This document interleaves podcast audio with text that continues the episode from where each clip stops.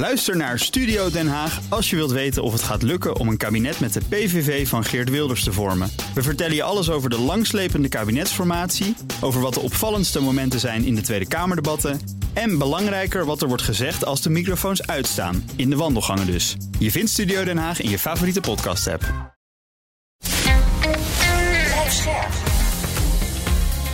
BNR Nieuwsradio. Boekenstein en de Wijk. Hugo Reitsma. Dit is een extra uitzending van Boekenstein en de Wijk in verband met de oorlog in Oekraïne en de crisis met Rusland. Het is donderdag, dag 204 van de invasie. En we hebben een vraag van uh, luisteraar Wilfred de Jonge. Die vraagt op welke oorlog lijkt de oorlog in Oekraïne het meest? Hij denkt aan Vietnam, Afghanistan in de jaren 80 of de politionele acties. Want een grootmacht die een land aanvalt waar de bevolking totaal niet van gediend is. Die grootmachten hebben genadeloos verloren als het volk niet meewerkt. Oftewel, waarom zou Oekraïne niet gewoon alles kunnen winnen, net als in Vietnam, Indonesië en Afghanistan? Nou, dan moet je naar een andere oorlog kijken die hier zeer sterk uh, aan doet uh, denken. En dat is uh, de Winteroorlog tegen uh, uh, Finland. Uh, dat was in 1939-40. Hmm. Um, wat er toen gebeurde is dat de Sovjet-strijdkrachten, zonder dat er ook maar enige aanleiding voor was, zonder oorlogsverklaring, hebben, zijn ze een aanval op Finland begonnen. Hmm. en dat liep eigenlijk gewoon helemaal niet zo verschrikkelijk goed aan het begin, ondanks dat ze 400.000 militairen hebben ingezet en ook 2000 tanks, 2000 vliegtuigen gaan zo maar door. En die, die, Finse, uh, die, die, die Finnen waren dus echt heel erg uh, in het nadeel wat dat betreft. Maar uiteindelijk, uh, omdat die winter af in, in uitbrak, hebben die Finnen toch behoorlijk lang kunnen standhouden. Maar uiteindelijk heeft de Sovjet-Unie dat gewonnen. Ze hebben een stukje grondgebied ingepikt, ja, hè? Daar ja, vlakbij Leningrad. Ja, exact. Zeg maar. en, ja. en daar zijn harde, harde noten over gekaakt in destijds in het um, in, in het Kremlin. Uh, uh, omdat uh, dit allemaal wel erg moeizaam verliet. Hè. Dus de, de, de, de Russen, die hebben ook wel een, ja, die hebben wel een, een probleem wat dat betreft om soms snel en goed te opereren. Maar dus zeg maar, dit doet er zeer sterk aan denken. Um, wat de Finnen vervolgens hebben gedaan is, uh, ze hebben hun uh, krijgsmacht totaal anders georganiseerd. Hun hele verdediging hebben ze totaal anders uh, georganiseerd. Dat is nu een soort whole of government geworden. Dus iedereen die maar wat kan bijdragen aan de verdediging, die moet bijdragen. En het interessante is, dat zie je dus nu ook gebeuren in um, in Oekraïne, uh, waar die partizanen steeds sterker worden. Nou, als die partizanen steeds sterker worden, uh, dan wordt de boel van binnenuit uh, gehold. En dan zou je inderdaad kunnen, kunnen beredeneren dat dat een, een voorwaarde is voor een verder succes met de normale krijgsmachten van, met de conventionele krijgsmacht van, van Oekraïne.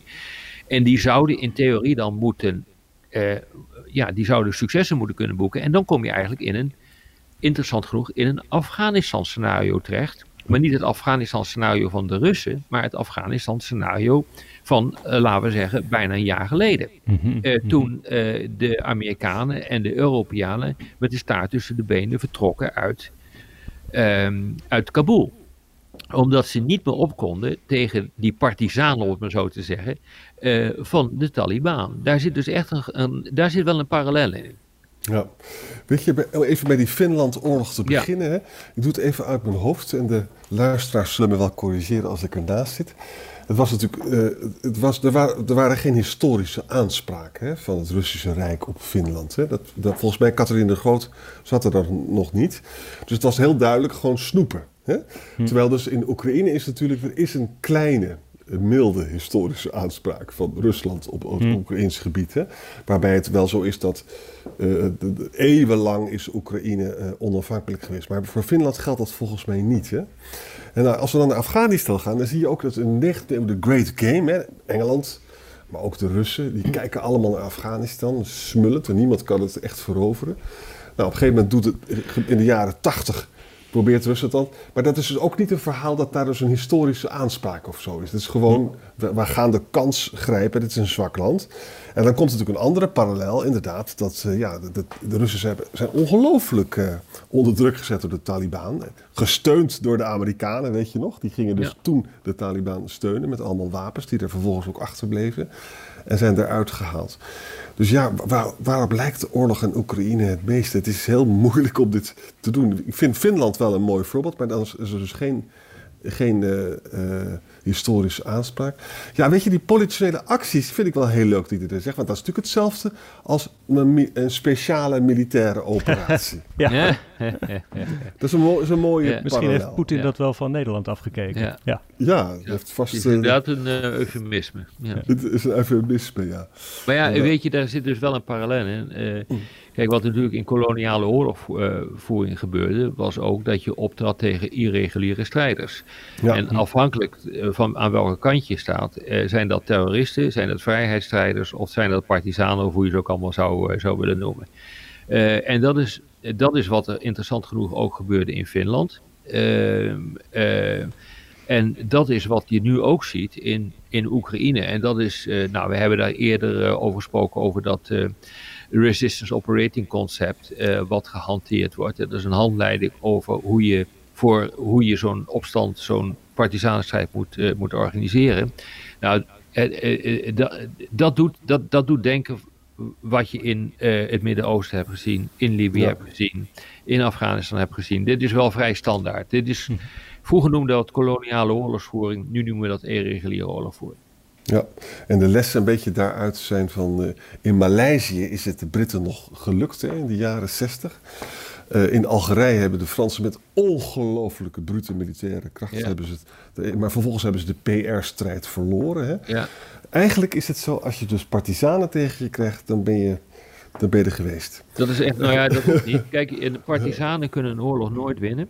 Nee, maar wel... Uh, uh, maar ze kunnen wel de boel zodanig ontregelen dat je denkt, nou, aan dit bezette gebied heb ik ook geen plezier meer, laten we maar opstappen. Dat is ongeveer wat het doel is van een partisanenstrijd. Mm -hmm. En dat zien we dus nu in Gerson. Je kan gewoon geen referendum organiseren. Omdat, ja.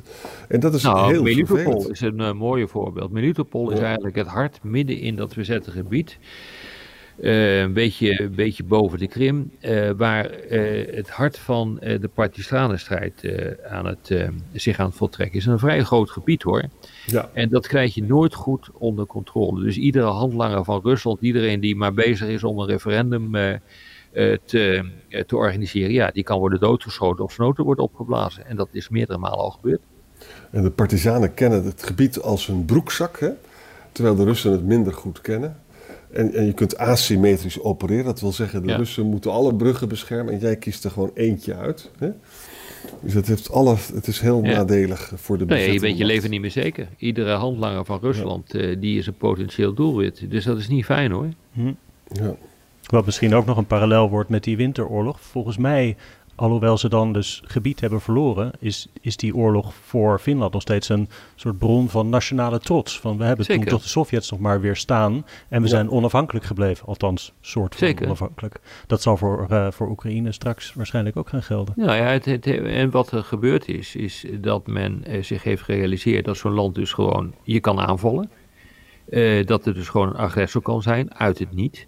Dat heeft een enorme impact eh, gehad. Maar het heeft dus ook een impact eh, gehad op de wijze waarop je dat land gaat verdedigen. En de, en de, de, de Finnen hebben daar ook een heel duidelijk element van die partisanenstrijd in gebracht. Ja. Mensen gaan dus elke week nog oefenen met hun wapens, die ze ook mee naar huis nemen. Ze hebben een fantastische, moderne eh, krijgsmacht. Nee, dat, dat is even wat anders hoor, de Finse krijgsmacht. In vergelijking met die, met die Russische meuk. Hè? Ja, maar dat wist, dat wist een half jaar geleden ook niet dat het zo meuk was. hè? Ja, dat is zeker zo. Ja. Zou Wilfred de Jonge tevreden zijn met onze antwoorden? Wat, wat is nu de conclusie? Nou, dat, Oh. is de, dat is de aanleiding en de wijze waarop die initieel wordt uitgevoerd heel sterk doet denken aan eh, de oorlog tussen Finland en Rusland. En dat het nu steeds meer de trekken krijgt, eh, eh, zeker als die partisanenstrijd eh, doorgaat, van een combinatie van conventionele oorlogvoering en partisanenstrijd.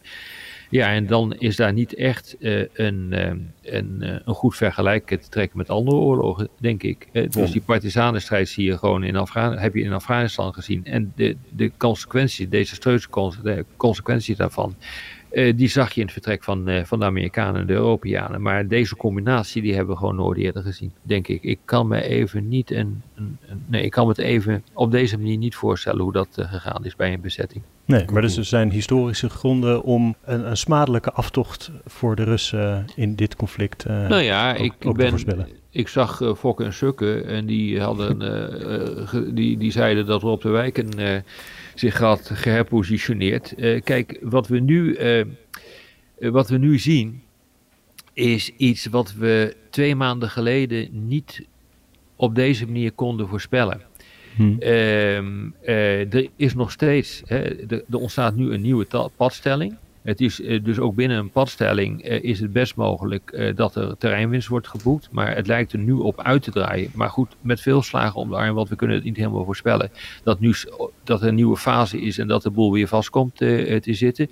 Maar die kan echt doorbroken worden als die partisanenstrijd op gang komt. En de Oekraïners slim hun HIMARS inzetten, die lange afstandssystemen. En om vervolgens op, op termijn het gebied in te gaan. Maar dan praat je over 2023. Dat is ook uh, wat ja. de Oekraïners zelf voor ogen hebben. Heb je die volgende no. stukken trouwens uitgeknipt? Lijkt me wel een uh, Nou, exemplaar. ik kreeg hem toegemaild, dus uh, ik, ik, zag hem. Ik vond het wel grappig. Oké okay, jongens, tot morgen. Ja, tot morgen. Dank weer. Bij BNR ben je altijd als eerste op de hoogte van het laatste nieuws. Luister dagelijks live via internet. Bas van Werven. En heel langzaam komt de zon op rond dit tijdstip. Je krijgt inzicht in de dag die komt op BNR, het Binnenhof in Nederland en de rest van de wereld. De Ochtendspits. Voor de beste start van je werkdag. Blijf scherp en mis niets.